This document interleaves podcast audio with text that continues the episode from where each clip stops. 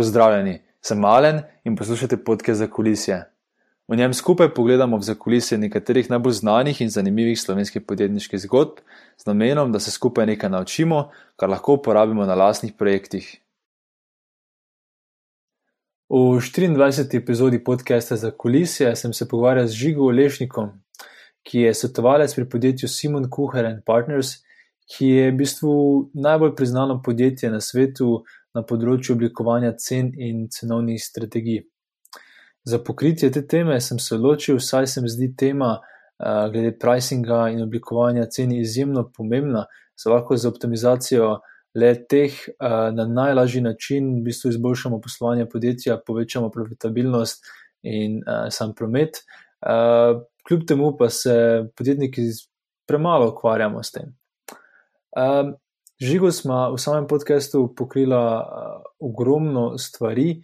Um, naprimer, pogovarjali smo se o dveh metodah za oblikovanje um, tiste optimalne cene za naše produkte in storitve, potem kako predstaviti cene na uh, najboljši način uh, za najboljši prodajni učinek, in pa naprimer, kako upravičiti dvig ali spust cen za že obstoječ produkt, če se odločimo za spremembe.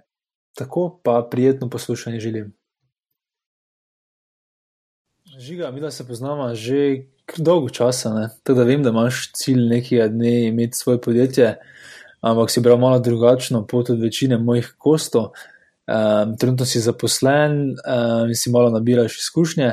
Da se dajmo malo o tem pogovoriti, ker se mi zdi fully zanimivo, da imaš samo to podjetniško ambicijo, ampak si se odločil za malo drugačno pot. Teda me zanima, uh, kakšen načrt imaš točno, pa kot ta tvoja podjetniška ambicija. Hm. Uh, lepo pozdravljen, Nadem. Uh, zelo zanimivo vprašanje. Ne? Kot si sam rekel, ja, odengdaj me je nekako zanimalo podjetništvo. No, odengdaj bi lahko definiral s tem, odkar sem prišel pač na faks v Ljubljano. Uh, ne vem, po spletu nekih zanimivih okoliščin sem padal v tako družbo, da se je kar dost uh, mojih vrstnikov ukvarjalo ne vem, s nekimi podjetniškimi idejami. Zdaj, eden izmed teh si bil, seveda, tudi ti, še zmeraj se spomnim, ko si prodajal parti majice. Um, na okoli. Uh, Nekako se je to nadaljevalo potem z predmetom podjetništva, uh, roka Stritarja, ki je v bistvu me res na nek način navdušil uh, za ta predmet. Um, Je pa zanimivo, ja, imaš prav, nikoli se nisem odločil, da bi v začetku šel v to. In mislim, da en od glavnih razlogov je bil ta, da nimam nekih tehničnih znanj, ko bi mi pomagala nekaj iz nič narediti. Pač ne znam programirati, ne znam dizajnirati, oziroma ne znam, pač lahko bi se mogoče naučil, ampak se mi zdi, da je veliko drugih talentiranih ljudi, ko to dosti bolj učinkovito znajo upravljati od mene. Je, pa pol, je bila pa sama stvar taka, da sem potem se odločil v tretjem letniku študija za izmenjavo. Šel sem za eno leto v Kanado in se mi je vse skupaj mogoče malo na glavo obrnilo. Um, faks je bil res top, profesori so imeli vsi prakso v podjetjih. Tako da je bila v bistvu cela kultura bolj praktična. No, no, veš, imel si študente, ko so ne vem uh, vedeli, zakaj so tam, zakaj so na faksu, imeli so neko vizijo in željo, veš, po vodenju, organiziranju, karijera za naprej. In um, v bistvu eden od predmetov, ko sem ga tam imel, smo delali projekt z enim uh, velikim podjetjem. Um, in uh, v bistvu to je bil neke vrste konzulting projekt, ko me je potem navdušil za ta poklic, ki ga opravljam uh, zdaj in na nek način tudi, uh, kako bi rekel, razplamentel željo v meni, da bi se ukvarjal. Z, da bi pomagal podjetjem nekako, nekako do rasti, do internacionalizacije. Um, -hmm. Potem sem nadaljeval v bistvu svojo pot, uh, študijsko pot na Dunaju. Um, Tu sem se specializiral za marketing management, eh, sledili so kmalo prakse na uh, Bayersdorfu, se pravi podjetju, ki proizvaja Nivejo in Procter Gamble. Um, torej, podjetjih, ki so tipično marketinško naravnana uh, v, v tem trgu. Um, smel pa tudi na faksu par um, projektov s podjetji, kjer smo sodelovali z manjšimi startupi in jim nekako pomagali um, pri pospeševanju prodaje. Hkrati pa tudi moj cimer tu na Dunaju ustanovil pred dvemi leti podjetje, ki zdaj šteje 24 zaposlenih, ukvarjajo se z chatboti. Um, ne vem, kako bom rekel, veš, skozi sem bil v stiku z ne, nekako s tem startupom svetom, ampak hkrati nikoli nisem imel um, te, um, kako bi rekel. Tega občutka, da, lahko, da je zdaj še pravi čas, veš, vem, se mi zdi, da še lahko se zdaj pa veliko naučim. Um, če uh, pač uh, delam v industriji, oziroma potem v konzultingu. Uh, Ker, um, glej, moja vizija je, da pač nekoč se pridružim nekemu malemu ali pa srednjemu podjetju in ga pomagam narediti globalno, da mu pomagam pač, da raste. In, vem, in da zdaj jaz to vizijo resničim, se mi zdi, da je pomembno, da naberem izkušnje tudi mm -hmm. na drugih področjih, in predvsem pa v tujini, zaradi tega, ker pač veš, se naučiš delati z različnimi ljudmi, malo spoznaš navado okolje. Um, ja, zdaj na kratko bi bilo to. Ja. to. Je pa res, da sem potem čez čas, pa potem proti koncu študija, prišel pa v stik z mojim sedanjim delodajalcem, to je Simon Kuhar in Partners smo pa uh, management consulting podjetje, ki se ukvarja izključno s pospeševanjem prodaje, in smo pa vodilni tudi na uh, svetovni ravni na področju pricinga, torej postavljanja in določanja cen. Um, ja, zdaj neko se je, veš, stvar je taka bila, da se je dobro razvijala.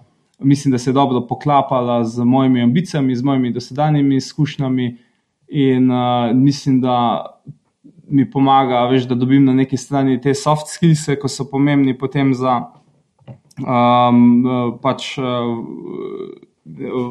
pomagati, no, da bi podjetje lahko raslo, se pravi. Prodaja, vodenje, veš, dela z, z, z tevnimi, z raznolikimi ljudmi, projektni management, kako tudi hard skills. Veš, um, ne vem, zdaj kako strukturirati iz nič neki, uh, kako bi rekel, ne, neko uporabno, veš, poslovni načrt ko, lahko, mm. ko je mhm. potem tudi actionable, se pravi, ko ga lahko podjetje potem tudi implementira. No. Um, tako da. Kaj mi je zanimivo pri tej zgodbi? Ne? Da, um, zdi se mi, da pokažeš en drugi način, kako priti do te podjetniške zgodbe. Da tudi s tem nič ni narobe, da najprej iščeš nekaj izkušnje, torej ti si ugotovil, da mogoče nimaš nekega poglobljenega tehničnega znanja mm -hmm. in ga mhm. zdaj v bistvu pridobivaš in boš kasneje skočil. Ne? Ker mislim, da že malo tako, dosti krat socialni pritisk je, da če želiš provat, da moraš provat zdaj, ko si študent, ko, si, ja, ko še nimaš otrok in podobno. A, ampak ni nujno, to je edina pot, ne? to mi je zanimivo. Mm, pa veš, kaj je ali? Jaz pač mislim, da če ti hočeš narediti uspešno podjetje, um, na začetku, seveda, rabiš, veš, dosti teh tehničnih skilsov. Ne? Ti rabiš neko tako podjetniško žilico, veš, da spraviš skupaj neko močno ekipo ljudi, ko um, pač je sposobna več neki izdelek oziroma storitev spraviti na trg in, ga, in potem tam tudi preživeti tista prva leta. Ne? Ampak.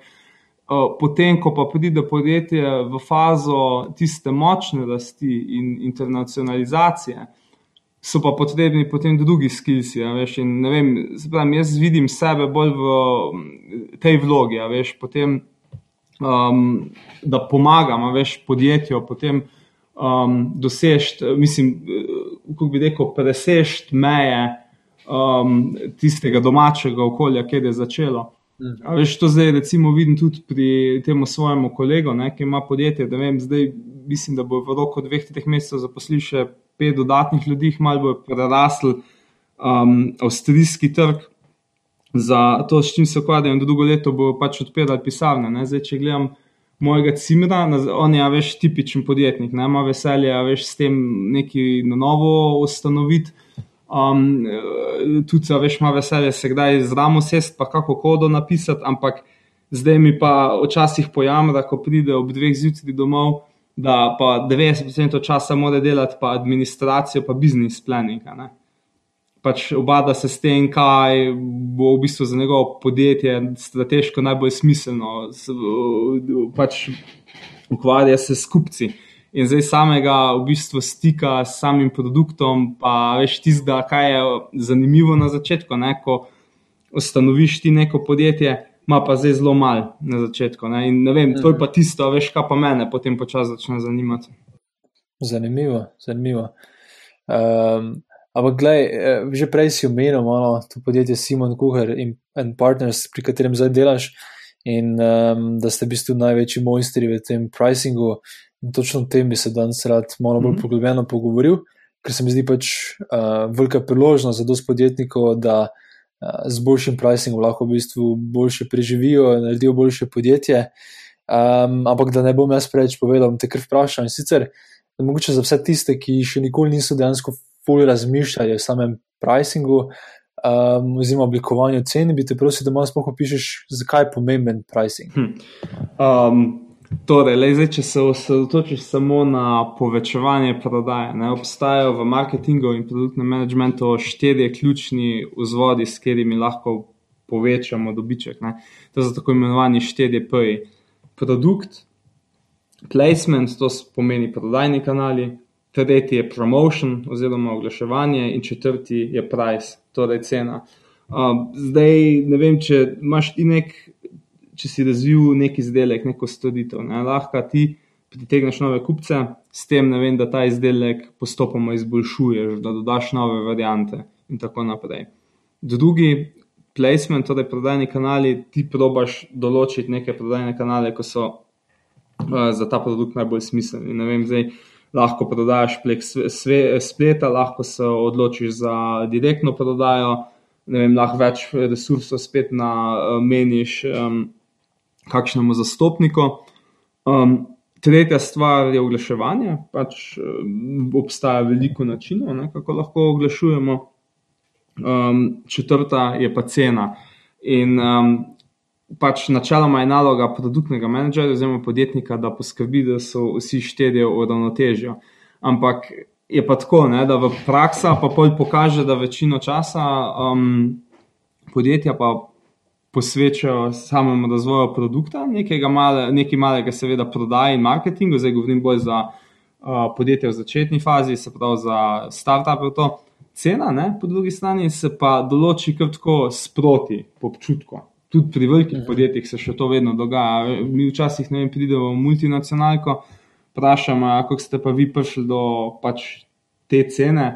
Pa bojo skumignili z rameni, pa bojo rekli, ja, se tako je pa že od nekdaj. Ali pa bojo rekli, ja, pač po občutku. Vse delam že 20 let o tem, pa že vem, kako je s tem. Ampak, poglej, cena je, mislim, to je škoda, tega, ker cena je izjemno pomemben, pa močen vzvod za dobiček. Ti dam en primer. Um, naprimer, da imaš ti, ne vem, 5-procentno maržo v podjetju. Ko ti na koncu ostane, se pravi, da prodajaš ti po ceni 100 evrov tvoj izdelek, Um, od tega imaš za 95 eh, evrov um, vem, raznih stroškov, zdaj zanemarimo tu zdaj DDV, pa druge davke, in uh, dvigneš ceno za en procent na 101 evrov. Vse se sliši banalno, vem, za en evro dvigneš ceno, ampak tvoj dobiček 5 evrov se poveča na 6 evrov, kar je 20% prirast. Ne? V bistvu, zdaj, če se malo s tem igraš. Um, isto velja za popuste. Um, pač na splošno je tako, da ne vem, da hiter, predvsej hitro popustiš. Zdaj, če nisi preveč prepričan v to, da boš stvar prodal, pa ne. In ne vem, daš pač popust, ne vem, da neko stvar prodaš, ker si misliš, da je važno, da sem prodal. Ampak zdaj pa ti se zamisli. Naprimer, da dam spet drug primer. Máš pa podjetje vem, z 20% maržo, se pravi, prodajaš po ceni 100 evrov, nekaj, kjer imaš za 80 evrov stroškov, ostane ti 20 evrov dobička. In daš, da vem, um, kupcu 10% popust, ti ostane 10 evrov. Ampak zdaj, če pogledaš pa ti na neki višji ravni, se moraš pa vprašati, koliko produktov boš pa ti mogel več prodati, da boš spet prišel na isti dobiček. Če sam za 10% v tem primeru ceno um, znižaš. krat dva, mhm. dvakrat toliko. Ne? In zdaj se pravi, da v bistvu smiselno bi bilo v tem primeru 10% ta popust ponuditi samo, če ti dobiš to z dodatno količino nazaj noter. Mislim, sej mm.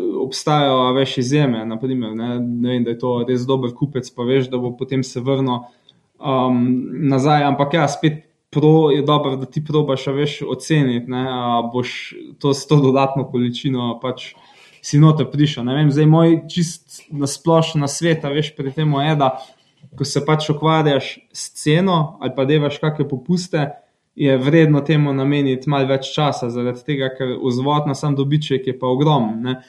Ogromno imaš primerov, mm. ko podjetja vem, posvečajo ogromno časa, pa ogromno uh, pozornosti samega menedžmenta stroškom.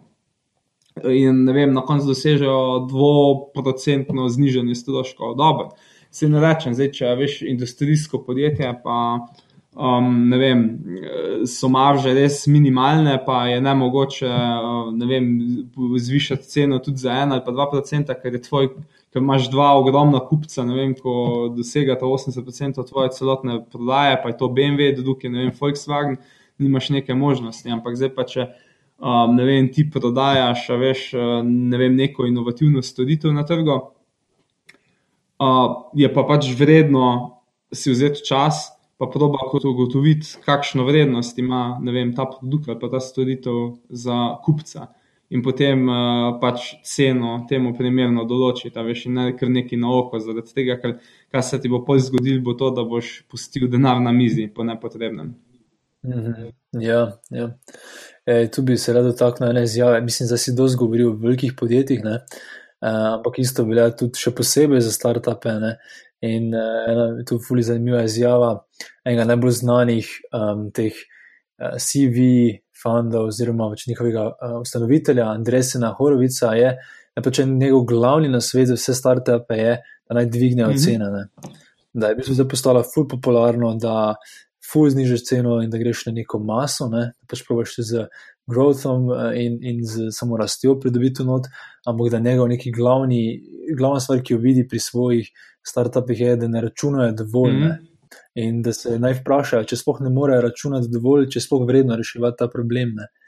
In, in da dejansko s, te, s temi cenami potem dobiš tudi uh, to um, moč oziroma energijo, da lahko sploh rasteš. Ne.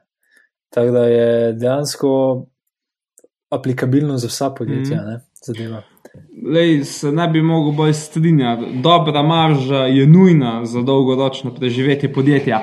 Um, zaradi tega, ker glej, veš, vedno je tako, ne? če ti prideš z neko ceno na trg, pa potem trg se navadi na to ceno, boš ti imel izjemne težave to ceno kasneje zvišati, če boš ugotovil, da se ti računica ne bo pač izšla. Um, no, dobro, vse po drugi strani, zdaj spet ni pametni z neko fulj visoko ceno. Veš, če boš bil prisiljen, veš, spet za vem, polovico ali pa več spustiti, bo pač uh, to nek signal dal kupcem, da pač si se nekaj uštev ali pa da nekaj neštima s podjetjem, veš, in bo postali malce sumničavi.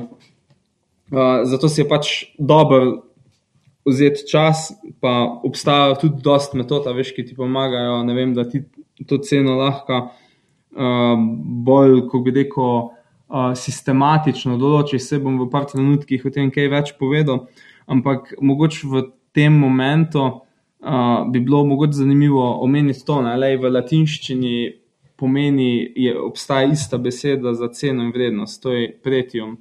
Um, kar, kar mi to da zamisliti, je to, ne, da v bistvu.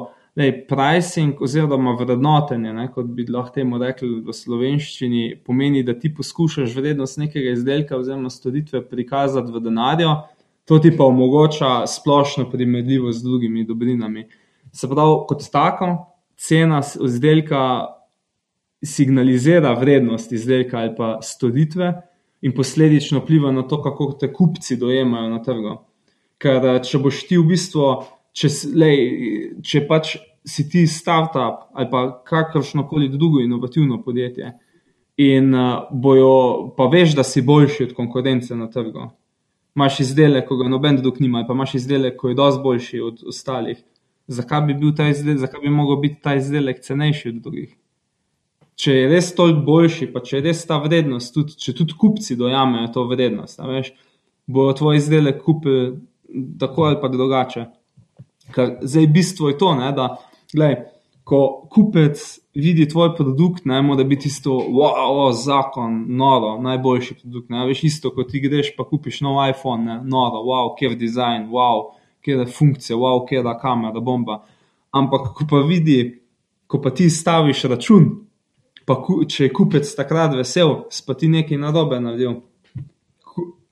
Mislim, ne zdaj, da se bo jezil, ali pa ne vem, da bo rekel nikdar več, ampak kupec mora biti ravnodušen, ko vidi račun. A veš, to je pa zdaj ta feeling, ko pa, pa ti prideš na blagajno s tem iPhonom, pa ti rečejo, ja, gospod, to bo pa tisoč evrov, prosim, ne? Te pa mal tisti zmrzne, o oh, fakt. Ampak vse enega kupiš, a veš, to je pa fora, ne? Enega mhm. pač mm -hmm. vzameš, ampak pol pa probaš čim prej na ceno pozaviš. In naslednje leto, ko pride nov iPhone ven, pa ne vem, čez dve, tri leta, pač zdaj ne vem, koliko. Um, Ljudje po, po, pač pogosto kupujejo, ga pa greš spet kupiti, ne? pa mogoče za višjo ceno. Potem. To je meni zanimivo, ne? ker v bistvu Tak, če bi me nekdo vprašal, mislim, da če se sploh ne bi vedel, koliko iPhone stane.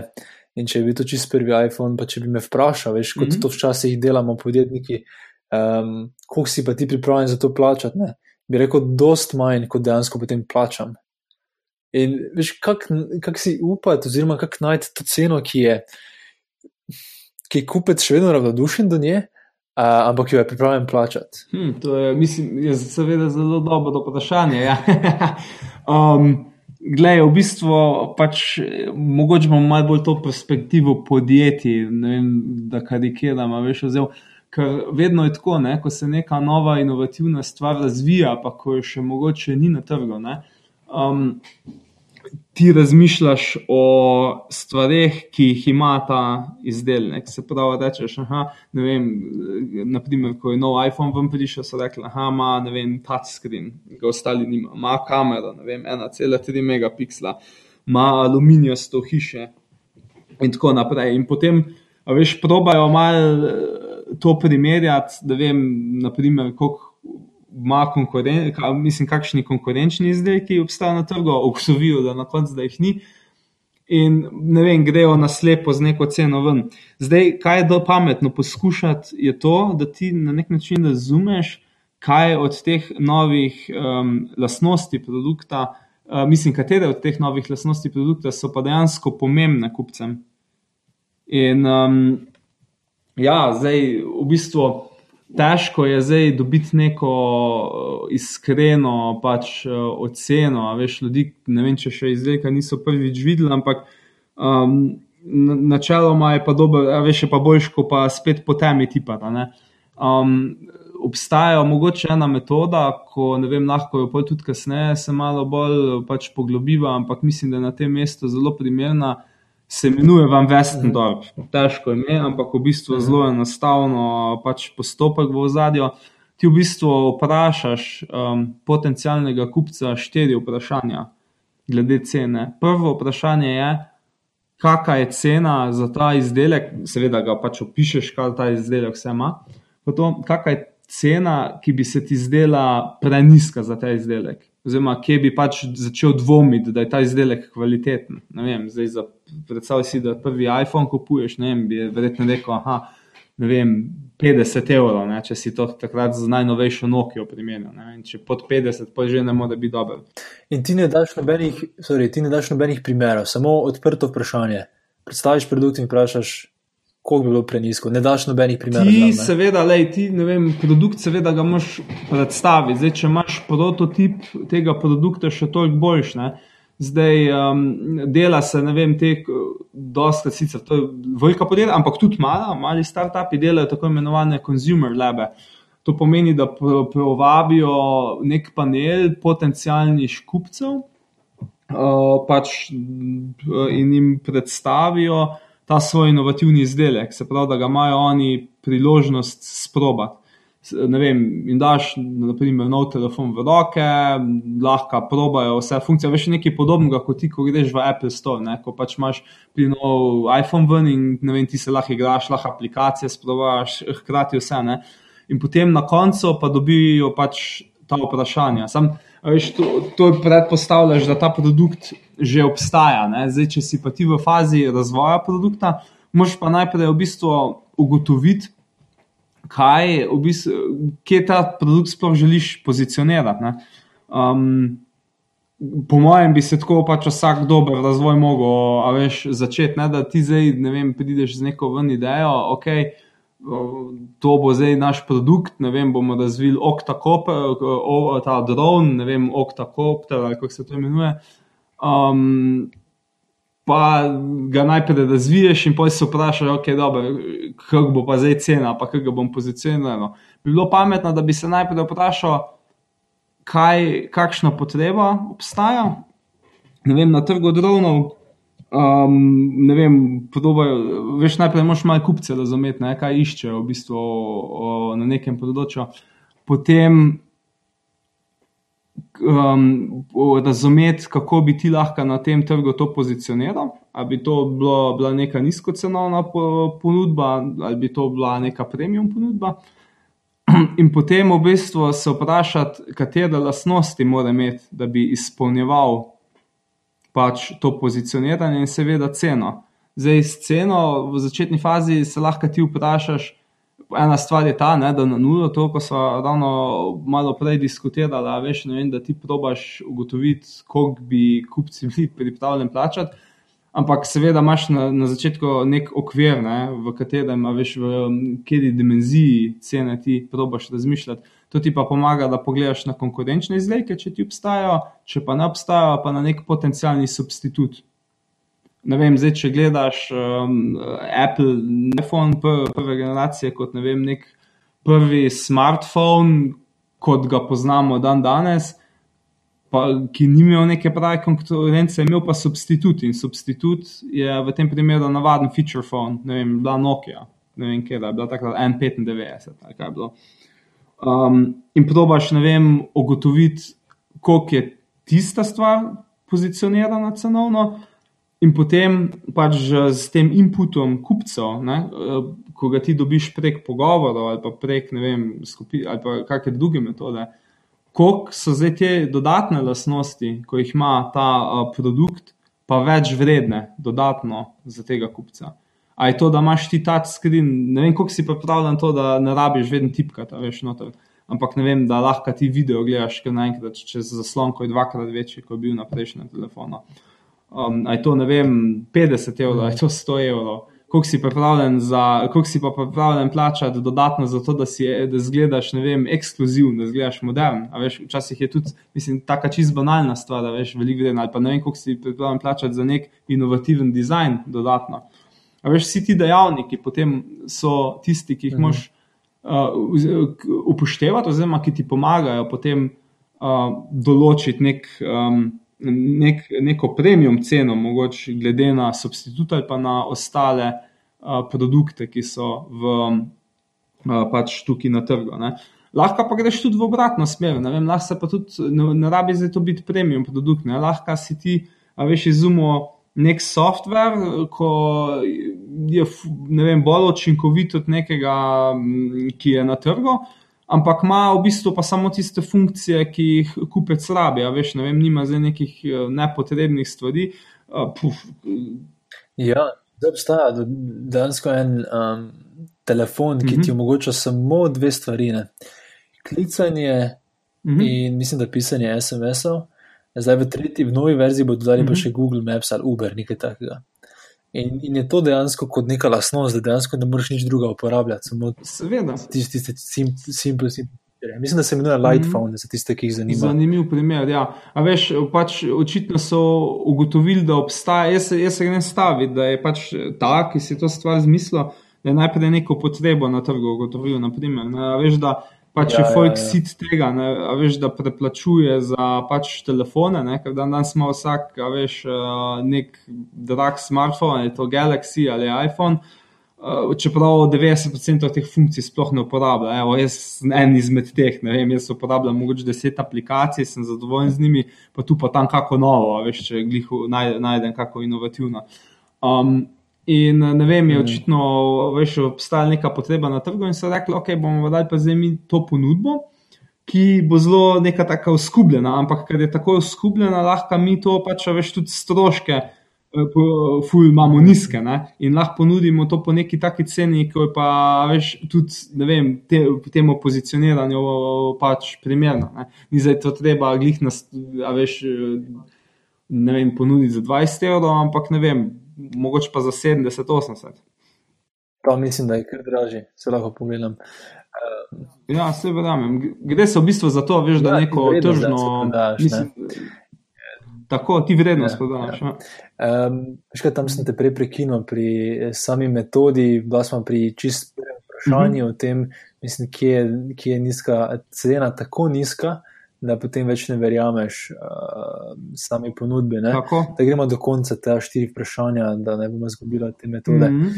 um, uh -huh. Torej, na tisto moje vprašanje, glede samega tega, daš ljudem eh, tukaj uh, pri prvem vprašanju nek. nek smernice, ne, glede cene, ali oni sami povejo, pa smo rekli, da oni kar sami povejo. Torej, tu ni nobenih ponujenih odgovorov. Ti vidiš produkt in potem poveš, o, pri tej ceni. Veš, kaj mislim, ni vnaprej ponujenih odgovorov. Ne? Mm, ma, ne bi, poglej, v bistvu ne bi nikoli šel vprašati, koliko bi ti bil pripravljen plačati. Zaradi tega, kot si rekel pač uh, ti noben ne bo več neke take cene rekel, ko bi dejansko potem, ko bi odločil sa svojim denarjem. Um, a veš, ker ti, ne vem, ti so, mi se odločamo, a veš, dokaj impulzivno. Ne? In redko kdo si bo res čas vzel, da bo premislil neko realno situacijo, v kateri bi to kupil. Zato je boljš vedno na nek način ugotoviti uh, spektr, v katerem razmišlja kupec. To pa lahko s temi štirimi vprašanji uh, pač pomagaš. Veš, e, to so pa prvo, se pravi, prvo vprašanje je to, da vprašaš ti, katera je cena, ko je tako nizka, da pač ne bi kupil, ker se ti, vem, zdi kvaliteta mogoče ne verodostojna, ne več nezadovoljiva. Drugo vprašanje je to, ko bi ga lahko tudi direktno vprašal, je to, katera cena se ti zdi ok za ta produkt. In ker tudi bo vsak neko ponovadi nižjo ceno rekel, a veš, ko bi jo dejansko potem bil pripravljen plačati. Tretje vprašanje je, katera cena je draga, ampak še ravno sprejemljiva, da bi jo bil pripravljen plačati. Četrto vprašanje je pa podobno, ampak vendar je nekoliko drugačno. Katera cena je absolutno predraga, oziroma kje je ta točka, ko bi pa rekel: ne, to je pa en evro, to je pa kaplja čez rob, ne bom več kupil. Ker veš, ti si potem pomagaš. Vem, zdaj, če vprašaš ti enega, ne boš dobil še tako velikega občutka, ampak če boš pa dobil, ne vem, če boš pa vprašal ti 10-15 ljudi, uh, pa čisto vprašanje, boš pa potem v bistvu si lahko zelo dobro ilustriral, kje je ta spektr cene med to, ko je tista, ko bo rekel OK, pa tista, ko bo rekel draga, ampak še sprejemljiva. In to ti da v bistvu vedeti, da tvoja cena mora biti nekje v tem razponu. Ne vem, zdaj pa da fraziram, lahko je med 100 in 150 evri. Za ta pač telefon, če je preniska 50, previsoka, pa ne vem, 300, potem veš, da se lahko pomikaš v tem nekem spektru, oziroma da je to nek smiselni mhm. spektr. Ampak, veš, to pri produktih, ko jih daš ti prvič na trg, ne moš nikoli biti siguren, veš, koliko bo dejansko popraševanje. Se pravi, kot sem prej omenil, pomagaš si z nekimi substituti na trgu, ne, ki zadovoljujejo isto potrebo, ko bo tvoj produkt, um, kot neko orientacijo. Načeloma, pa potem, da bolj prideš do te konkretne cene, je pa pač um, ja, to, ko sem zdaj pač omenil, si pa lahko s to metodo potem pomagaš. Te nekaj mi še v tej metodi povej. In sicer mhm. zelo, zelo konkretno me zanima, torej, um, kako vi predstavite sam produkt. A to zgleda tako, da ljudi povabite na intervju, pa um, če obstaja prototip, pustite človeku, da se igra z njim, če ne obstaja, ne vem, nek list z slikico, pa potem z nekim opisom, pa vedem, vi pičate zadevo, ali je to kar prek spleta, eh, ne vem, Survey Monkey, pa je slikica produkta, pa razloženo, pa daš ta štiri vprašanja. So kakšne smernice, kako točno pride do teh rezultatov? Sem povedal, kar konkretna stvar, odvisno od tega, kak budžet ima klient. Oziroma, koliko je pripravljen investirati v to. ne, kar, zdaj moš vedeti. Zdaj, tu, no, mislim, se to ni zdaj nek tak rocket science, veš, kaj tu počneš, ampak gre se v bistvu res dejansko za to, koliko časa, pa koliko uh, denarja si ti kot uh, podjetnik pripravljen investirati, veš, v, ta, pač v te raziskave. Zdaj, če imaš ti nek drag produkt, naprimer, vem, da razvijaš novo letalo ali pa vem, da razvijaš uh, novo avto ali pa karkoli kar bo tudi kasneje, mogoče imeti zelo veliko prodajo, ne, se ti splača pač uh, organizirati te consumer lebe. Veš, da ti po, ne vem, ko imaš prototip uh, razvit, se pravi, pravim še le prototip, ne končen izdelek, ti povabiš um, potencijalne kupce ali pa obstoječe kupce tvojih ostalih izdelkov. Na, vem, na spoznavni dan, neke vrste, ali pa ne vem, spoznavne ulice, kako bi pač to poimenoval in jim tam predstaviš pač uh, podrobno, kaj ta nov produkt zmore. Uh, in jim daš potem priložnost, zdaj to je spet odvisno od primera do primera, lahko sam da jim ga pokažeš, lahko jim samo predstavljaš. Najboljše pa je verjetno to, da jim pač daš nekaj časa, veš, da se ukvarjajo s to stvarjo. Ne? Mislim, ne zdaj, da bojo nov avto doma odpeljali, ampak veš, da se noter malo sedajo, ne vem, da vidijo, ali jim je všeč zdaj kokpit, ne vem, kakšna se jim zdi oblika. Um, lahko tudi um, v nekaterih primerjih se celo prinese konkurenčne produkte, veš, na te delavnice, da potem imajo možnost uh, preizkusiti um, ja, konkurenco, in potem na koncu pač sledijo ti vprašalniki ali pa skupinska diskusija veš, na to temo, ne, ker lahko potem se pa diskutira o tem, kaj mi všeč kaj mislijo, da bo, ne, mislim, kaj je pač eh, boljše na tem, v primerjavi s tem, kaj je bilo prej, ali pa v primerjavi s tem, kaj oni poznajo. Um, a veš, kaj v tej prvi fazi, ko ti še produkt razvijaš, ne, je zdaj bistveno, da boš v bistvu s temi lastnosti produkta zadev uh, potrebe, uh, ki se pojavljajo v segmentu, v katerem hočeš pozicionirati ta produkt, potem pa pride cena. Um, še. Se pravi, veš, vedno je tako pozicioniranje, ki si ga pač želiš imeti, ne, oziroma ki je smiselno, in potem probaš uh, poiskati neko ceno, ki je primerna v tem segmentu. Veš, tako, vem, če tvoji segment so vem, mlade družine za neki izdelek. Um, zdaj veš, da ne bo moglo to biti uh, nekaj takega, ne vem, kaj bo presegalo, veš, nek uh, no, normalen budžet te ciljne skupine. Ne? Ampak ti že da to neko tako prvo orientacijo. Ampak veš, zakaj to tudi sprašujem? Ne? Ker se mi zdi, da prihajamo do te teme, da je sama cena tudi ful pomembna od same predstavitve, oziroma način, mm -hmm. kako ti skomuniciraš te lastnosti. Ne? In me zanima, na kak način to počnete, veš, da skomuniciraš same lastnosti produkta pri tem testiranju, pa lahko kasneje tudi pridemo potem, ko si na trgu. E, torej, na kak način opišeš na pravi način produkt, da potem dobiš pravi odgovor glede cene, ker kot si samo menil, če na robe predstaviš, tudi dobiš potem mm, verjetno definitivno ceno, kot bi drugače dobil. Ne? Definitivno, le bistveno je, da jim ti ne narediš marketing piča na teh predstavitvah. Ti, veš, logično, ne? Zdaj, če pač si ti produktni menedžer, ti si entuzijastičen v svojem izdelku, veš, ti si tudi sam prepričan, da je to uh, najboljši. Um, zato v bistvu ne vem, ali se poskušaš res nazaj držati, pa jim zelo objektivno to stvar predstaviti. To ni launch novega izdelka, to moš razlikovati. Ne se veš, tudi ko se nek nov izdelek lansira na trg, imajo podjetja doskrat te evente, ne, da ne vem, povabijo potencijalne kupce ali pa obstoječe kupce, pa jim to pol predstavijo. Ne. Uh, mislim, se razlikuje v tem, veš, da je to vseeno objektivno. Veš, ti jim daš vedeti, da je to produkt, ki se še razvija, pa da je njihov input uh, zelo pomemben. Veš, da, dajo, da se, jih ti pač lahko, kamot čist direkt poveš, da pač bi, da vem, bi jih prosil za veš, neko objektivno mnenje o tej stvari. Ker se je, veš, ni zdaj nujno. No, da bojo pač uh, oni, a veš, glih, če jih boš poceni vprašal, da bojo pač, uh, ne vem, si kaj izmislili, veš, da bojo, ne vem, dal, da bojo rekli neko nižjo ceno, ko bi jo pol dejansko bili pripravljeni plačati. A veš, jim probaš predstaviti kot uh, neko, kako bi rekel, customer oriented um, naravnanost podjetja. Pač, ker na, v končni fazi le ti to za njih razvijaš, veš, ker so oni tvoji kupci. Ne. Se pravi, da bodo tudi verjetno zainteresirani, da ti dajo nek objektivni pogled.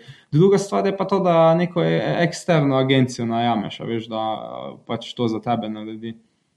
Ker potem pač ja, se izogneš temu, da bi um, preveč pristransko predstavo. Simon Samo Kuhar in partner, seveda. Magari, ja.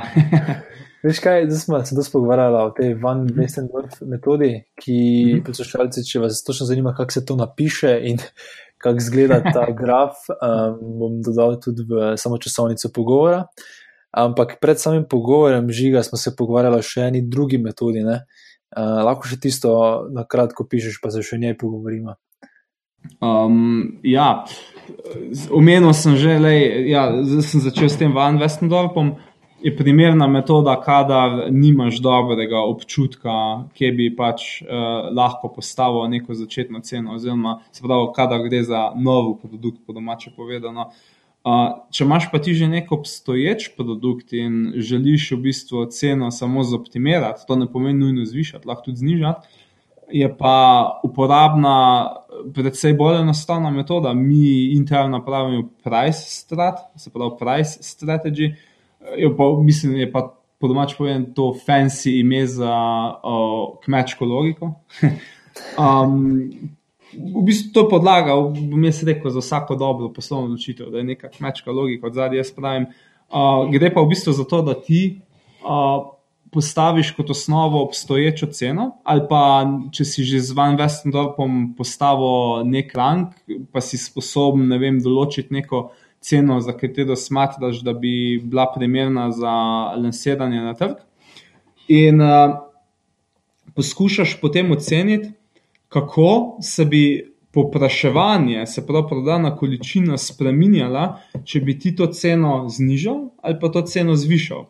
Um, gre v bistvu tega zdaj, boš, to boš precej težko naredil sam in imaš dve možnosti, kako dobiš tu input. Ena je, da se pogovarjaš z strokovnjaki na tem področju ali pa z lastnimi prodajniki, če jih že imaš.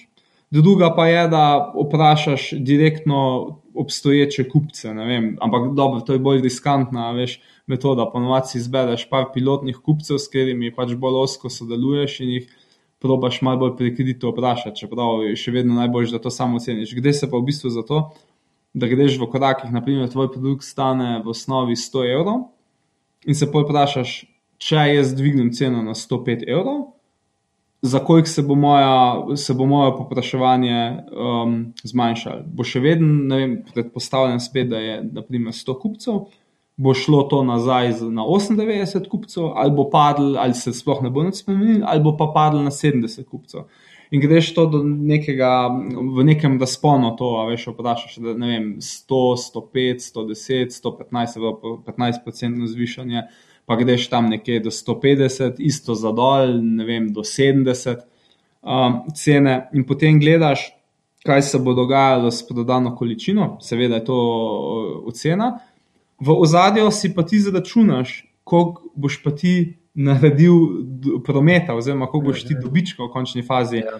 uh, naredil s tem. A veš, se pravi, ko sem rekel kmečka logika, gre se samo za to, da ti v bistvu uh, veš, kje je tvoj break-even, se pravi, kje je eh, točka preloma, ne? se pravi, koliko nizko ti lahko greš, s ceno, da se ti bo pač, uh, ne vem, še splačal pač biznis, oziroma po drugi strani, koliko visoko pač ti greš, uh, lahko s ceno, da boš dobiček zoptimiziral.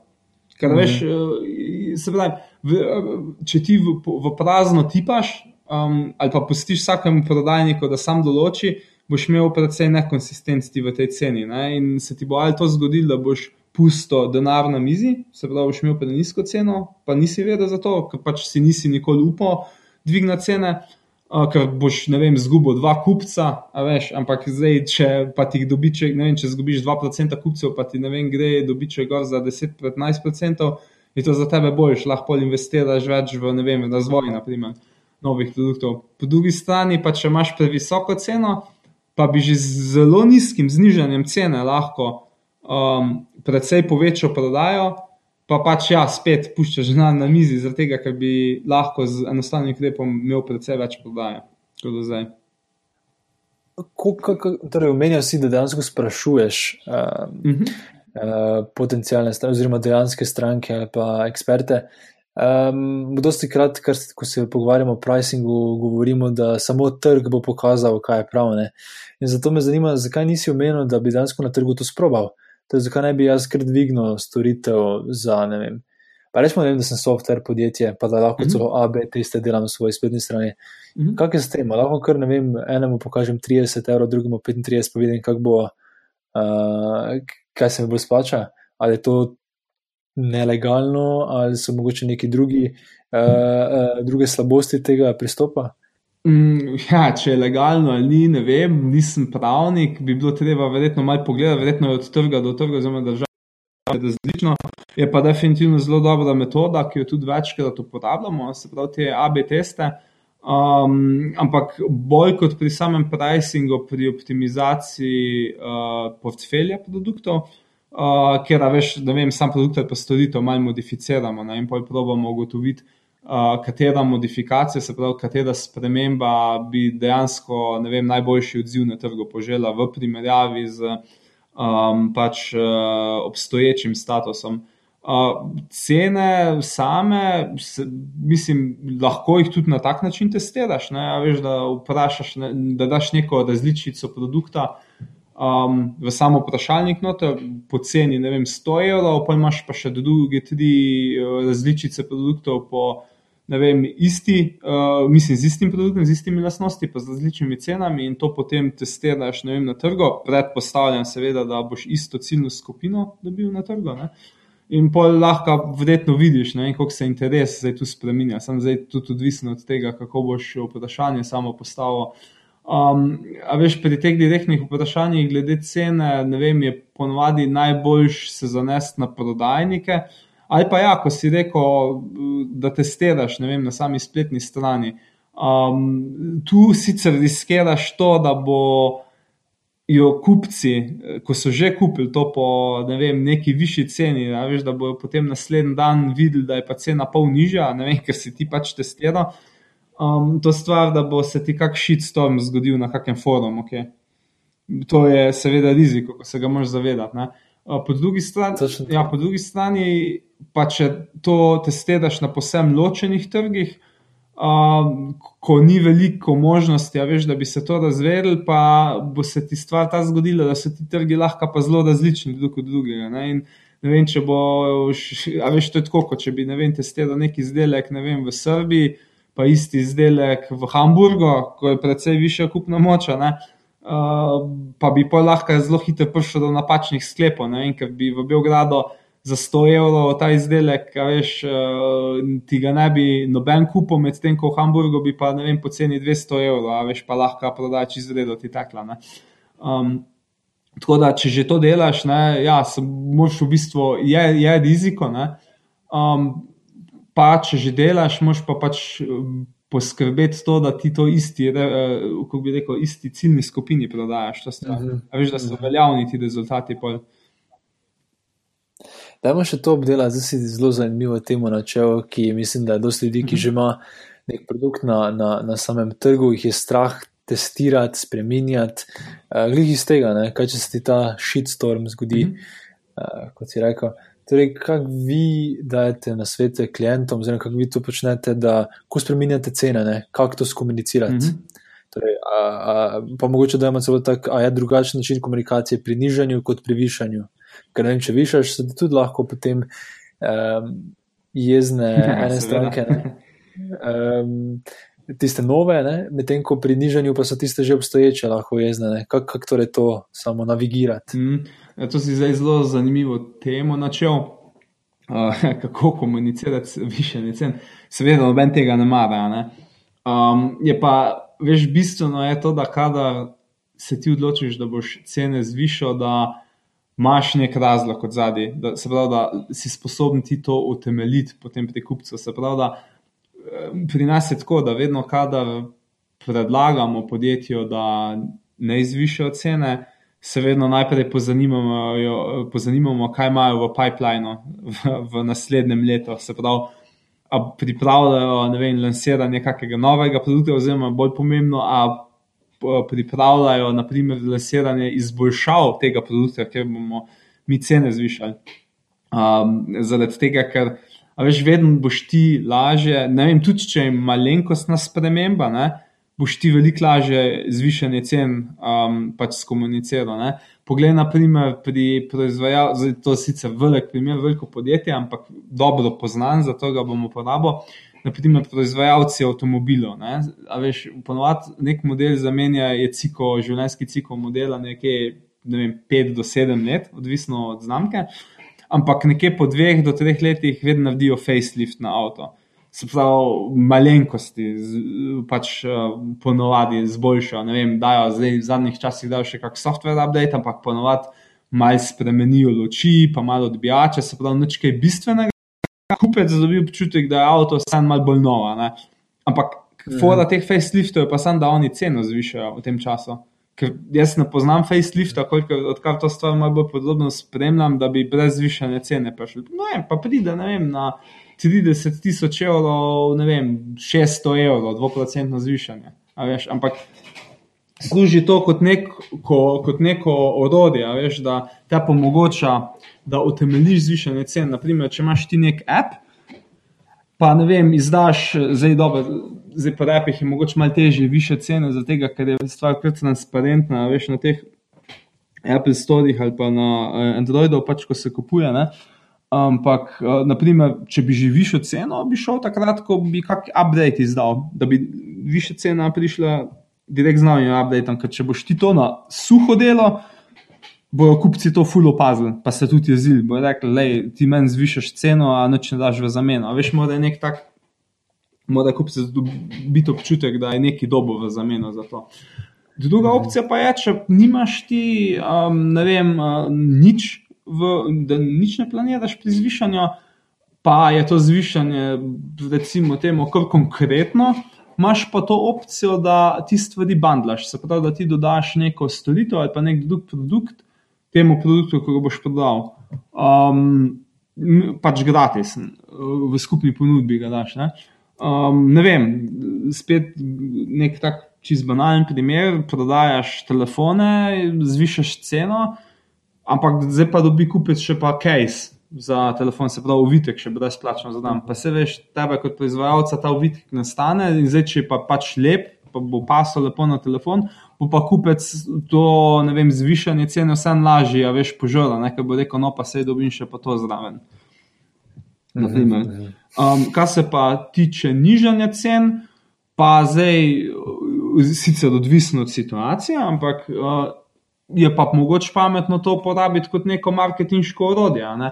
Da ne vem, kako kampanjo narediš, veš, aha, ne vem, zvesti kupci, posebej za vas, ne vem, nižamo cene, še več vrednosti za vas. A veš, da ti v bistvu ugotoviš, mislim, da ti pač prodajo, s tem probiš pospešiti. Veš, ne, da, mogoče jim ne daš vedeti, da si glih nižjo ceno, zato ker je prišla konkurenca na trg ali pa zato ker je tvoj produkt že full star, ampak probiš to kot nek uh, posebej, ja, veš, benefit za njih uh, prodati, samo stvar. Kako to deluje, če imaš nek. To isto deluje, če imaš tudi subscription. Torej, ne gre samo za spremembo nekega produkta, ki, ki ga mm -hmm kupijo stranke za naprej, ampak tudi za trenutne stranke, ne, ki imajo nek, neko pogodbo z nami. Mm -hmm.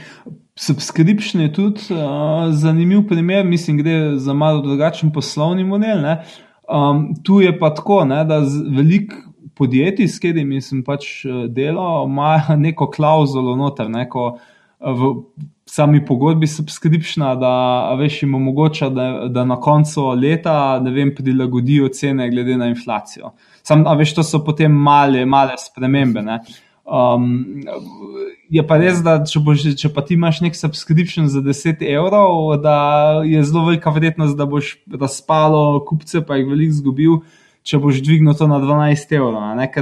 Um, to je tudi ena stvar, ko se bo dotaknila pri komunikaciji, psihološka meja. Zdaj, če se ti že s tvojo ceno na neki psihološki meji, naprimer 10 evrov ali pa 19 evrov ali pa 99 evrov, bo zelo, zelo težko, da boš ti prišel čez to ceno, oziroma bo imel to zelo velik efekt na kupce. Veš, bo, čeprav vem, je mala sprememba, mogoče oceni, bo v njihovih glavah se zdela velika sprememba, ker si prišel veš ti čez. To pač mejo. In zdaj v takem primeru, pri subskripcijih, je zelo težko direkt kaj sceno narediti, in v bistvu več, je, bolj, je veliko bolj priporočljivo za podjetja, um, malo se igrati z, samim, uh, s samo ponudbo. Se pravi, um, najbolj pametno, mislim, najbolj uh, pogosta stvar, ko je, je, če imaš ti en tip subskripcija, da ga malo diferenciraš, da dodaš v smislu good, better, best ponudbe. Da ti dodaš še en paket, oziroma ponudbo, ki je dražja od te, ki jo imaš, pa eno, ki je cenejša od te, ki jo imaš.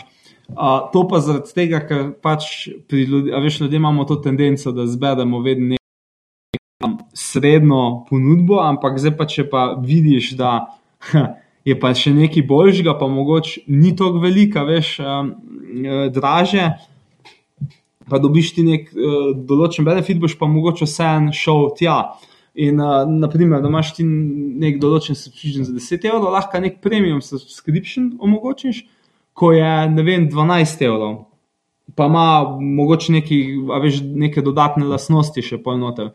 In kaj pa pol, lahko pa poskušiš potem s tem modelom, ko ga ima Amazon Prime. Ne vem, dobim, ne vem kak je pri tebi, ko si že dosti časa v Nemčiji, ampak meni tu pošle Amazon praktično vsake tri mesece ponudbo, da imam en mesec ali pa dva meseca brezplačen Amazon Prime. za 30 evrov. Veš, ti lahko potem samo opeleš to ponudbo na trg in daš temu kupcu, ko ima to obstoječo, neko brezplačno, veš, poskusno obdobje, da ga da.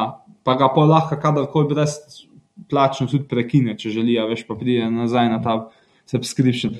Aha ti še nisi torej prime in ti ponujajo, da prvo poskusiš. Tako, ampak ti mu moraš dati veš, nek tak razlog. Veš, zdaj ti boš zelo težko, pač kar nabil ceno. Ok, do druga je, če je tvoj subscription že čez neko psihološko mejo. Če imaš ti, ne vem, nekaj prodajaš za 7 evrov, pa pol, boš ceno zelo verjetno zlahka dvigoval do 9,99. Ker pač a veš, kupcu, zdaj se ta razlika v večini primerov ne bo zdela tako velika. Ne. Lahko mu dodaš ti neke nove features, ampak bolje, a veš, bolj, če imaš ti nek, neko storitev, se bolj splača ta taktika, da ti daš samo neko ponudbo, ko ima več, pa mogoče drugo ceno, a veš, mislim, višjo ceno. Ampak na nek način lasnosti, ko jih ne moreš direkt primerjati naprimer, veš, pri telefonskih tarifah, ne, ko da operater, ne, vem, ne bo zdaj kar dvignil cen za nek mobi paket, ampak bo nek drug kulski paket dal ven, ko ima vem, še več prenosa podatkov, pa več SMS-ov, pa, bo, pa se ti bo zdel ti skuj, pa boš pač predstavil paket. Ne. Operater bo pa pač. Hmm. Dobo pa noter, veš ta svoj profit, ne vem, pa mogoče po drugih tarifah, veš, ko, vem, če boš v tujini, boš pa pojem mogoče par centov več plačal ali pa kaj drugega. E, tu si se zelo lepo navezal na naslednjo temo, ki sem se želel dotakniti, uh -huh. to je glede komuniciranja cen. In uh -huh. um, par stvari si že, glede teh 99 zaokroževanja, si omenil. Ampak da razloži, to ima res taki vpliv. Zdaj, to spodjetje pač je banalno, ampak, ma, ampak ne, gre, veš, ne gre se tako za to, da boš zdaj dal ceno 9,99, gre se samo za to, da obstajajo sicer odvisno od produkta, neke, um, kako bi rekel, psihološke barijere, uh, neke cene. Um, veš, ko predstavljajo za kupca zelo veliko, kako bi rekel, zelo velik menik ne, in ne grejo čez. A veš, to je, ne vem. Um, Zdaj, določene točke, ne vem, so 5 evrov, naprimer, ali pa 10 evrov če je neka stvar, da veš do 10 evrov, boš rekel, ok, to bo še šlo, ampak čim pride čez 10, postaneš vem, skeptičen. Pa reč pa kosilo, ko greš jaz, um, pač za malce, ne čez dan. Ne vem, vse pa meni je tako, če hodim redno jesti, ok, se dobro, vse vemo, da je pač vse drago, ampak če je pod 10 evrov, je ok, ampak če pa pride, pa ne vem, neka restauracija, da zračuna pa 11 evrov, Mm -hmm. bom pa že pomislil, če mi je srednjo tja hodil. a Veš, Ja, na to, ne. Čeprav je samo en evro razlike na koncu koncev. ne. Um, ja, ne vem, a veš, delali smo več testov v različnih primerih. In uh, ja, malo lahko že, naprimer, zdaj sicer odvisno od zneska, ampak ne vem, če ti nekaj prodajaš za 9,90 ali pa uh, 11 evrov, imaš lahko precej velike razlike, a veš, v tem, koliko ljudi se bo pač na koncu odločil za ta izdelek. Zato je potrebno biti zelo pazljiv, a veš, ko, kadar greš čez te menike. Je pa odvisno od produkta do produkta, ne, glede tudi na to, v kateri cenovni skupini se giba. Ne. Zdaj, če si pretaveš nek, nekih takih potrošniških izdelkov, ne vem, kakšni šamponi ali kaj takega, veš, je lahko to evro 99. Če se pa pogovarjamo o avtomobilih, je pa to lahko 19 tisoč evrov, a veš, oziroma 19 900. Ne, da si, a veš, ker če si ti, ker ponovadi mi, ko se odločamo, da bomo neko stvar kupili, mi zdaj ne razmišljamo o vem, cenah 17 evrov ali pa ne vem, to pa 83 evrov, ampak si rečeš, da grem nove Adidaske kupiti, da maksimalno 100 evrov. In ti vseeno bo stal 91 evrov ali bo stal 99 evrov. V tem primeru ne boš veliko pomišljal. Boš pa pomišljal, če boš gledal primer Adidaske, ko bo 110 evrov, Ja. pa Adidaske, ko bo vem, 95 evrov. Mhm. Ja. Nekaj boš rekel, ne, ne, to je čas moja, tisto, veš, nek moj budžet, oziroma tisto, kar sem jaz imel v glavi. Mhm. Tako da, ja, se sliši banalno, ampak uh, komunicira. Ne. Še ena O. stvar, dost, dost um, ljudi, ko poslušajo, imajo bolj mogoče digitalne produkte in imajo potem te spletne strani, kjer imajo pisane eh, lastnosti oziroma feature produkta. Tu si mi zadnjič eno tako zelo zanimivo stvar povedal glede tega, eh, glede teh kljukic. Uh, če lahko to malo opišeš, pa potem tudi eh, glede imen samih bundlov, kako to delate. Mm, a ja, ja, to sem že malo, a veš, prej, ko sem ti razlagal, ko sem razlagal, razlagal v tem subscription modelu. Ja, A, zdaj pač pametno je vedno ponudbo verzirati. Ne? Se pravi, da ti greš z ne, tremi opcijami na trg, ker pač ljudje smo taki. Ne? Zdaj, če imaš, eh, predstavljaj si, da greš v trgovino, imaš dve vini na polici. Eno vino stane 4,99 evra, drugo stane 12 evrov. Ne vem, 70% ljudi bo zelo lunga, ko stane pač 5 evrov, zato ker bo rekel, no dobro, se ne rabim glihunga za 12, sej, razen zdaj, če je kakšna posebna priložnost. Ne? 30% jih bo pa zelo lunga dragega. Če imaš ti tri ponudbe, pa dodaš tu eno vino, ko pa stane 25 evrov, se bo pa začuda, čeprav mogoče bo zelo malo ljudi ga kupil, se ti, bo pa kar naenkrat teh 70% ljudi, ko kupuje to pocen vino, bo zelo velik delež teh ljudi začel kupovati uno vino, ko pa stane 12 evrov. Zaradi tega, ker a veš, ljudje imamo to tendenco, da nočemo čip kupiti, ne? nočemo tistega, kaj najcnej, ker si rečemo. Ah, si pa lahko mogoče malo več prvošim, ne? hkrati pa nočeš vzeti unga, ko je najdražji, ker rečeš, no se bo pa sredina, bo še pa najbolj ziha. Ne? In zato, ko delaš ponudbe, ne, je zmer tvoja ciljna ponudba, se pravi, s tisto, ko pričakuješ, da se bo najbolj prodajala, mora biti na sredini. Pol pa dodaš še eno, ko je čez, se pravi, ko ima neke dodatne lastnosti, se pravi, to je bil, bil napolnjen naloden produkt. Pol imaš pa še eno, s katero pa v bistvu zadržiš eh, te cenovno eh, občutljive kupce, ne, ko bi pa mogoče šli v konkurenci. Tu pa jim, veš, ponudiš nek oskubljen produkt ali pa neko oskubljeno storitev, ko ima sam, ne vem, najbolj pomembne um, lastnosti, a veš mhm. ko še pač uh, naredijo ta produkt ali pa storitev zanimivo. Um, in potem um, je pa tudi pomembno, kako ti ceno postaviš tu. Pametno je, da, ti, da je razlika v ceni med eh, to top ponudbo, ne, ko je najdražja, pa med to srednjo ponudbo manjša, kot med srednjo ponudbo, pa med najcenejšo ponudbo. Zaradi tega, ker um, pač ti moraš vseeno, veš, neko zanimanje za upsell vzbuditi, oziroma pametno, da jo, ne, ker pač boš imel veliko maržo na tistem dragem produktu.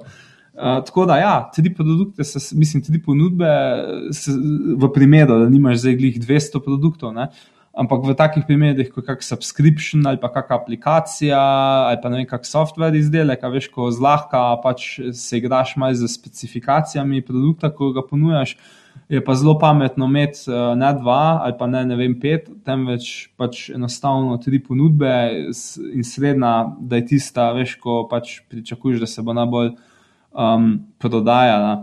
Um, zdaj pa, kar se tiče imen, uh, ja pač moš poskrbeti, da zdaj ne bo več eh, tista najcenejša, zgleda, kot da to š, neko škart robo kupuje, veš, kupec, ne? da bo pa rekel, da je pač čist brez veze. Um, ne vem, tipična imena so, veš, da za najcenejšo ponudbo ime, ne vem, smart. Um, una, srednja je lahka gold ali pa ne vem, optimal, najdražja pa ne vem, superior ali pa premium ali pa bilo kaj, veš v bistvu je pomembno to, da se iz imena lahko takoj razbere, ko kupec pogleda, da ve, kje je pač najdra, najboljša, pa najslabša ponudba. Ali pa ne vem, good basic je zelo tako ponudba, veš, tipično ime. Vem, kot če pregledaš malo spletne strani, pa to, ali pa silver, gold, platinum. Različne stvari, ampak kaj je bistvo, zdaj samo ime ni tako važno. Važno je samo to, da se razbere, a veš iz imena, zdaj majka karakterizira. Važno je, da se iz imena razbere, um, to, pač, kjer, kaj je najboljš, pa pač, uh, kaj je naj, uh, veš, low end na ponudbe. Um, je pa bistveno, kako pa boš ti to predstavil. Um, zdaj, fajn je začeti, da, je na, veš, da če ber, mi zberemo z leve proti desni. Da je najdražji produkt vedno na levi strani, da ti prvega vidiš. Isto je tudi, kadar prodajaš, naprimer v B2B uh, okolju. Um, pa se pač, pa ti nek produkt predstavljaš če imaš različne verzije, najprej pokaži uno najdražjo verzijo. Zaradi tega, ker um, to je spet en tak psihološki efekt, ko mu pravimo uh, sidlanje oziroma anchoring. Um, pač ti si to stvar in jo vzameš um, kot neko referenco. In ti boš ja videl to, pač, fakt, ne, to pa vse je kul cool produkt, ampak ful stane. Ampak pa ti potegneš iz rokava še ta tvoj adut, se pravi to srednjo ponudbo, ne, ta produkt, ki ga pač ti ciljaš. Ne, um, prodati pa rečeš, ja, ampak le za mal manj stvari, ne vem, sicer nima tega pa tega, ampak to itek ne rabiš tako nujno pa ti lahko za to ceno ponudim, pa jaz full vredo produkt, ne, in ne vem, stane na mestu 12 evrov, ko sem prej rekel, pa skrišno bo stal 10 evrov in se mu bo pa naenkrat zdel pa to full pocena, veš, ker je prej videl um, un drag produkt. Ne. Isto, če imaš pa pakete, naprimer, da jih na spletni strani ti predstavljaš. Um, ja, sem rekel, z leve proti desni, od najdražjega do najcenejšega, ampak je pametno dati ti tudi nek, um, bi rekel, nek namik, kaj je ta top ponudba. Ne? In, um, pač lahko, ne vem, z nekim, lahko neko ukvediš, ali pa ne vem, nek stiker dodaš, gor, best seller ali pa top ponudba, ker uh, pač, veš, to bode malo v oči in potem. Uh, bo kupec še, še lažje malo odločil, veš, zato, da je to pa res ta safe choice, ne? se pravi, uh, varna izbira, če mm -hmm. se malo pohecam. Evo, um, še eno konkretno, ja. sorry, si hotel še kaj reči? Ja, ja hotel sem še samo to dodati, ko si prej um, šel na to temo s temi kljubcami. Mhm. Um, to je uh, relevantno tako kot uh, pri B2C prodaji, uh, kadar imaš kakšne te subscription, pa to, kako tudi, oziroma še mogoče bolj pri B2B, je to, da ti v bistvu predstaviš lahko na kratko, um, če, če delaš to verziranje, seveda, ne, s tem Good, Better, Best um, ponudbo, uh, kaj vsak od teh uh, paketov vsebuje. Veš, da ti ne vem, rečeš, da tam ima to vključeno, tam ima to vključeno, tu imaš, ne vem. Um, Tok te uh, lastnosti vključene, ne vem, toliko brezplačnih minut, tukaj jih imaš tok, da lahko ti na nek prvi pogled uh, vidiš, uh, da je ta jasno, ne samo po imenu pač izdelka, ampak tudi po lastnostih, kjer je zdaj najboljši. Mhm. Kada, in šele potem ceno, se spodaj nekaj komuniciraš. Veš, ker v bistvu je zato, ne, da ti ne oglašuješ, oziroma nikoli ne izpostavljaš cene najprej, ampak ti probaš vedno kupcu predstaviti vrednost, oziroma se potrudiš, da bo jo razumel. Mhm, mhm. Zanimivo. Ja. Um, Škoda me še zanima en konkreten primer glede tega pozicioniranja. Ne? Mhm. Torej, kaj, če se ti ne splača, oziroma pa če je preveč dela, da imaš tri produkte iz kak, kakršne koli razloga, pa bi imel samo dva. Uh, oziroma, dejansko hočeš samo enega prodajati, ampak potem pač drugega inkorporiraš, ki je full dražji, samo zato, da tistega uh, glavnega lažje prodaš. A tudi deluje v tem primeru, ko imaš samo dvojico, uh, ali je v tem primeru nekakšna drugačna dinamika? Mm, pa, lej, mislim, načeloma se je boljši izkazal, vedno, kadar si pač imel še nek cenejši produkt, veš, ker vseeno potem uh, lahko, ne vem. Uh, ohraniš, uh, veš, te bolj cenovno občutljive kupce. Uh, Pa nisek, veš, ta cenejši produkt je vedno pametno imeti, zaradi tega, ker eh, se z njim braniš, eh, to je bolj v B2B okolju, mogoče um, pri pogajanjih. Ne, ko ti kupec začne, veš, potem um, težiti, ja. da mi popust, da mi popust, rečeš, ok, lahko ti ponudim pač nižjo ceno, ampak ne boš dobo pa tega, pa tega, veš, ker mu mora biti pozna, postati jasno, ne, da um, vrednost, mislim, da lastnosti, da nekaj pač stanejo, razumeš, veš na produktu. In uh, če ti daš nižjo ceno, bo dobo manj uh, veljo, se pravi manj vrednosti v samem temu. Ne? Pač in uh, načeloma je boljš imeti noter, zdaj sam z dvema, ne vem, koliko sem pač do zdaj, koliko so moje izkušnje, so se trije paketi vedno boljši izkazali, veš na testiranjih. Uh -huh pa tudi pol, ko so jih vem, klienti implementirali, so bili, zelo, so bili rezultati zelo pozitivni. Tako da ne vem, zaenkrat nisem še nikjer več predlagal vem, implementacije dveh. Mogoče pa deluje v kakšnih določenih primerih, ampak to bo potem pokazal v prvi fazi test, v drugi pa potem trg, če to je res. Mm. Mm. Okay. Cool. Ampak gre se več v bistvu za to, ni nujno, da ti prodajaš vse te izdelke. Ne? ti um, lahko ga samo komuniciraš. Ne? Ok, sicer to zdaj je stvar etike, ne poslovne, ampak ja. Lahko tudi naprimer, rečeš, da je na podlagi velikega popraševanja, da je stvar vem, razprodana. Naprimer. Ampak dobro, to je zdaj, ne bi jaz tega nikoli predlagal, um, da se naredi. Ampak um, načeloma je veš, tudi tako, da imaš neko tako pocen ponudbo noter, ko itak bo zelo malo kupcev se odločil za njo. Mm -hmm, mm -hmm. Ja.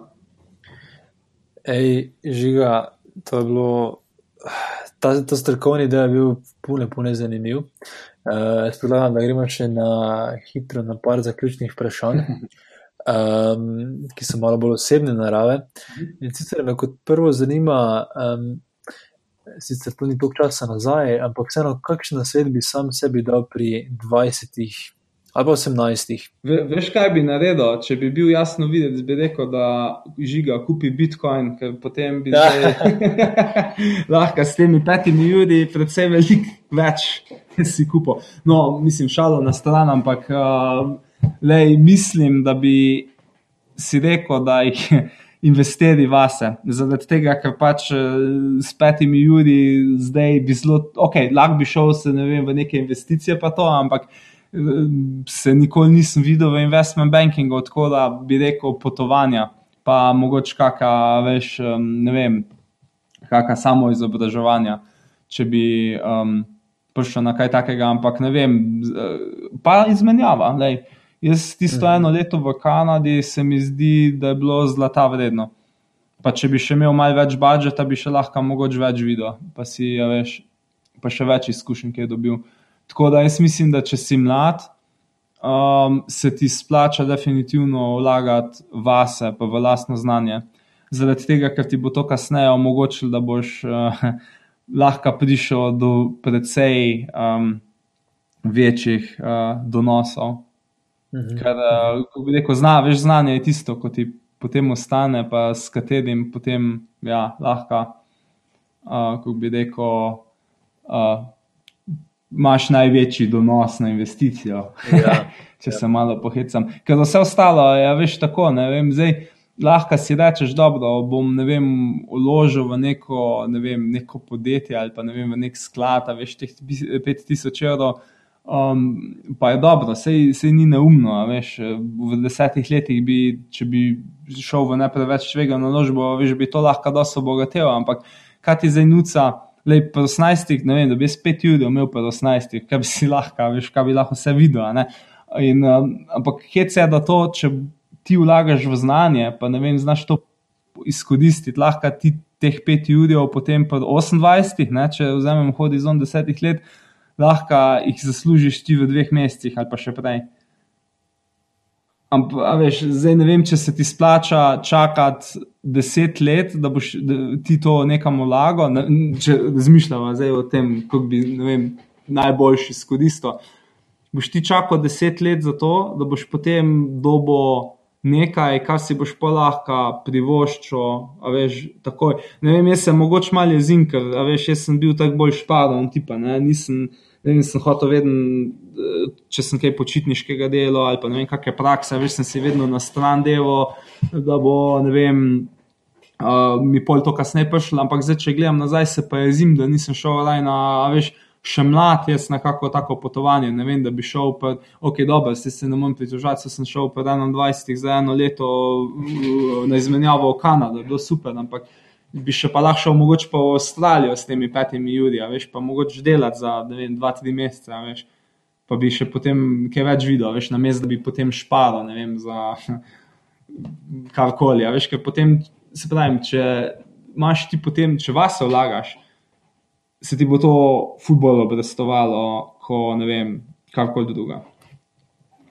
Se fulj strinjam. Ja. Tudi vedno bolj v to smer razmišljam, glede mm.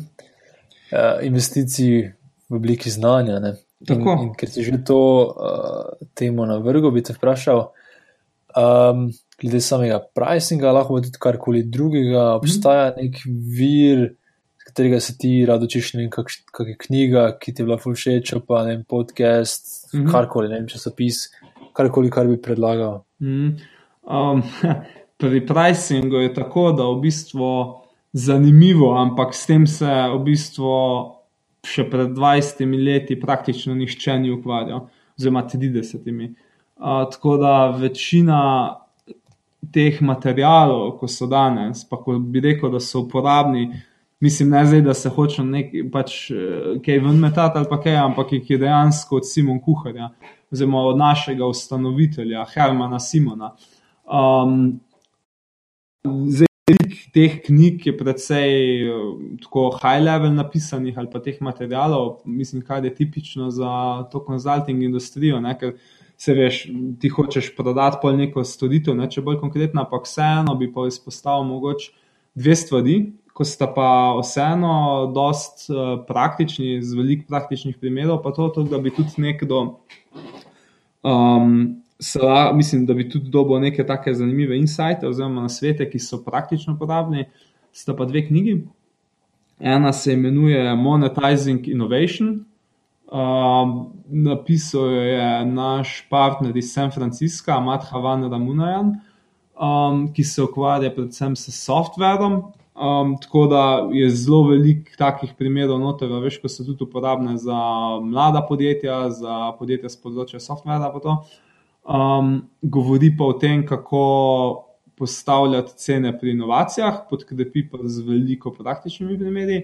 Druga taka pa je, je pa nek klasik na temo pricinga, kot vede, oziroma ni zdaj akademsko napisana, ampak ti pa ponudi na nek način uh, pogled v mindset um, uspešnega postavljanja cen, se pa imenuje The Confessions of a Pricing Man, to je pa napisal Herman Simon. Uh, drugače pa se sem tudi sama, veš, dosti iskal tako po spletu, pač ker me stvar tudi tako zanima. Ne? Ampak uh, ni, veš, neki uporabnih zadev, zaradi tega, ker večina, ne vem, veš, na svetu, kot ti menedžmentski, ne vem, kako bi rekel, menedžmenti, eh, guduji menedžmenta, pa guduji marketinga, uh, delijo se, veš, bolj v smislu. Ja, uh, poznaj svojo konkurenčno prednost, ne vem. Uh, ugotovi, koliko so vem, kupci pripravljeni uh, plačati. Veš, ne boš nekih konkretnih um, metodologij, pa tega noter zvedo. Ne? Ker problem pri pricingu je, po eni strani moš eh, vedeti, uh, mislim, moš malo razumeti logiko, ampak v svojem bistvu je pa to, z, pa ni raketna znanost. Vse si sam videl, ne? v bistvu tudi te metode, s katerimi se uporabljaš, ti nudijo samo neko orodje, ki ti pomaga, veš, biti učinkovit, oziroma bolj mhm. učinkovit pri postavljanju cena. Um, gre se v bistvu za to, da moš, kaj je pomembno pri presenju, je to, da se ti zavedaš, da je to pomembna stvar in da je tudi posvetiš čas, pa neki brain power, ja, veš, da, potem, da se obadaš s to stvarjo aktivno, pa da tudi input iz trga, oziroma kupcev. Um, uporabiš pri tem, ko se odločaš za uh, samo ceno. Um, pa, a veš, ker drugače, potem, ko pa imaš ti obstoječi biznis, ne, je pa v bistvu določanje cen zelo detaljna zadeva. Ne. Mi ne vem, potem delamo veš, z, z ogromnimi količinami transakcijskih podatkov. In poskušamo potem iz uh, samih podatkov ugotoviti, ven, uh, kakšni so vzorci, veš, um, um, ravnanja kupcev. Če je prišlo, veš, kaj, logično ti dobiš veš, od podjetja podatke, kdaj je prišlo do zvišanja cen, ali pa ne vem, kaj se je, kaj, kdaj je bil kak dogodek na trgu, poznaš marže in potem se malo igraš s temi podatki, mislim, da igraš, pač po domač povedano, se malo probaš ugotoviti iz podatkov, pa prepoznati kakšne vzorce, veš. Ker, ne vem, zdaj, če tako da malo mogoče insajta, ne. Um, pri podjetjih, ko imajo zelo velike količine produktov, uh, praktično nikoli uh, ne predlagamo, veš, da, bi pridi, da bi zvišala ceno uh, glavnemu produktu, ampak se dobički točejo potem na teh dodatnih produktih ali pa na storitvah. Veš, na rezervnih delih, potem ja, ja, ja. ogromne marže ker pač enostavno zato, ker kupec ni pozoren na to ne, in je tudi pripravljen plačati. Ampak, kako, a veš, to je tako, ko ti kupuješ avto nov, ti vidiš ceno novega avta, ti se ne vprašaš, koliko bo stal rezervni del, ko boš mogel javiti. Ja. Mhm. Um, ja, tako domač povedan. Um, ja, se pravi, drugače pri pricingu ti dve knjigi, mislim, da sta precej uporabni. Drugače pa le, če ima kateri od poslušalcev kakšna veš, konkretna vprašanja um, glede tega, kako bi se pač sam lotil več določanja cen, ne vem, bilo kakih več novih ljudi, pa to. Pa rada volja, veš, pomagam, ali pa se še malo poglobim v zadevo, pa poiščem kakšne konkretne nasvete, veš, potem. Zdaj si super navezal še na zadnje vprašanje. Sicer, torej, kako te lahko nekdo kontaktira, ki ima še mogoče dodatno vprašanje? A ja, lej, najbolj enostavno je, da lahko direktno na moj e-mail eh, z ig.lesnik afna.gmail.com. Um, tu sem pač uh, vedno dosegljiv. No. Um, lahko, mislim, lahko tudi me direktno kdo ne, na telefon ali pa tako kontaktira. Se, mislim, ti imaš moje podatke, tako da lahko jih kamot potem posreduješ naprej. Um, ja, Tako da z veseljem, za slovenski komunity, z veseljem pomagam. Točno to. Ja. Za ime bo, po mojem, dovolj. Me prav zanima, koliko ljudi ti bo kaj pisal. Ej, žiga, najlepša ti hvala, da si si vzel čas. Um, tako za začer, da smo se slišali, mm. tako pač je consulting life. Ja. Um, teda upam, da ti je bila fajn izkušnja, pa še enkrat hvala za, za znanje. Za tako, to je vse v današnji epizodi. Če ti podcast za kulise všeč, te vabim, da se prijaviš na mailing listu na zakulisi.com, da boš obveščen ob objavi naslednje epizode. A ja, pa hvala vsem, ki ste oddali ocene in komentarje na iTunesu. Za tiste, ki pa še tega niste naredili, vas vabim, da mi tako pomagate razširiti besedo o tem projektu, saj z vsako ceno in komentarjem iTunes boljše reagira podcast in ga potem lahko odkriješ več ljudi. Hvala še enkrat in se slišimo v kratkem.